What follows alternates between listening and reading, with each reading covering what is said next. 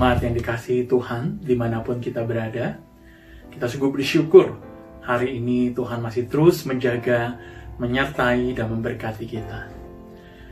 Hari ini kita akan membaca satu bagian firman Tuhan dari kitab ulangan, pasal yang ke-31 ayat yang ke-6.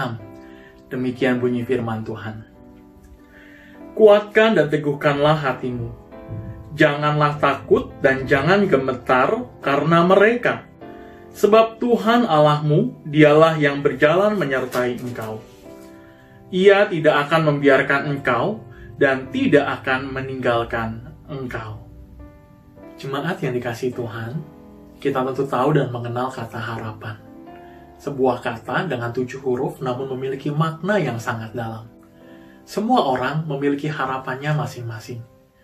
Anak kecil, remaja, pemuda, orang tua, Bahkan sampai oma opa sekalipun memiliki harapan tersendiri. Orang bisa saja memiliki uang yang banyak. Orang bisa memiliki gelar yang panjang. Bahkan memiliki kedudukan yang tinggi. Namun tanpa harapan, maka hidup menjadi suram dan gelap.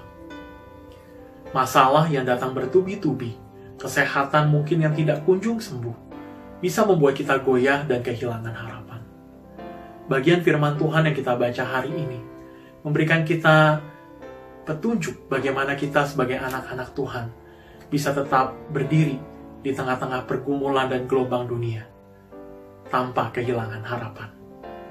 Di dalam ayat yang keempat, di sana dikatakan, dan Tuhan akan melakukan terhadap mereka seperti yang dilakukannya terhadap Sihon dan Og, raja-raja orang Amori yang telah dipunahkannya itu, dan terhadap negeri mereka bangsa Israel pada waktu itu akan memasuki tanah perjanjian.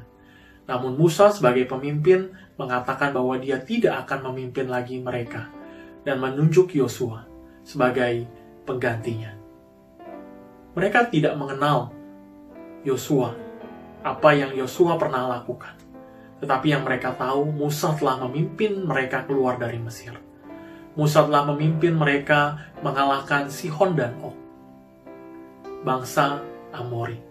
Dan sekarang Musa mengatakan tidak akan lagi memimpin mereka. Bangsa Israel kehilangan harapan. Apa yang akan terjadi ke depan kalau Musa tidak memimpin mereka? Namun di dalam ayat yang keempat, Musa mengingatkan orang Israel bahwa bukan Musa harapan mereka, tetapi Allah lah. Allah yang telah mengalahkan Sihon dan Og, raja orang Amori mengingat akan perbuatan tangan Tuhan di masa lampau, membuat kita bisa memiliki harapan, karena Allah yang sama yang telah membebaskan kita dari berbagai macam masalah dan pergumulan dalam hidup kita. Allah yang di masa lampau telah menyembuhkan kita. Allah yang sama yang akan membebaskan dan menyembuhkan kita saat ini. Oleh sebab itu mengingat akan perbuatan tangan Tuhan di masa lampau, akan membuat kita tetap bisa berdiri teguh dan memiliki harapan. Yang kedua ialah kita terus mengingat janji Tuhan. Ketika kita mengingat janji Tuhan, maka kita tidak akan kehilangan harapan. Di dalam ayat yang ke-6 dikatakan, Sebab Tuhan Allahmu dialah yang berjalan menyertai engkau. Ia tidak akan membiarkan engkau dan tidak akan meninggalkan engkau. Manusia bisa meninggalkan kita kita bisa kehilangan materi kita, uang kita, harta kita. Tetapi Tuhan berjanji tidak akan meninggalkan kita. Ketika Tuhan bersama dengan kita, maka tidak ada yang perlu kita takuti. Daud mengatakan, "Sekalipun aku berjalan dalam lembah kekelaman, aku tidak takut, sebab Engkau beserta aku." Allah yang sama yang menyertai Daud, Allah yang sama yang menyertai bangsa Israel, Allah yang sama juga yang akan menyertai setiap kita. Oleh sebab itu jemaat yang dikasih Tuhan, ingatlah selalu akan perbuatan Tuhan di masa lampau. Ingatlah selalu akan janji Tuhan di dalam kehidupan kita. Maka kita tidak akan pernah kehilangan harapan. Kita tidak akan pernah putus asa. Karena Tuhan Allah kita menyertai kita. Mari kita berdoa.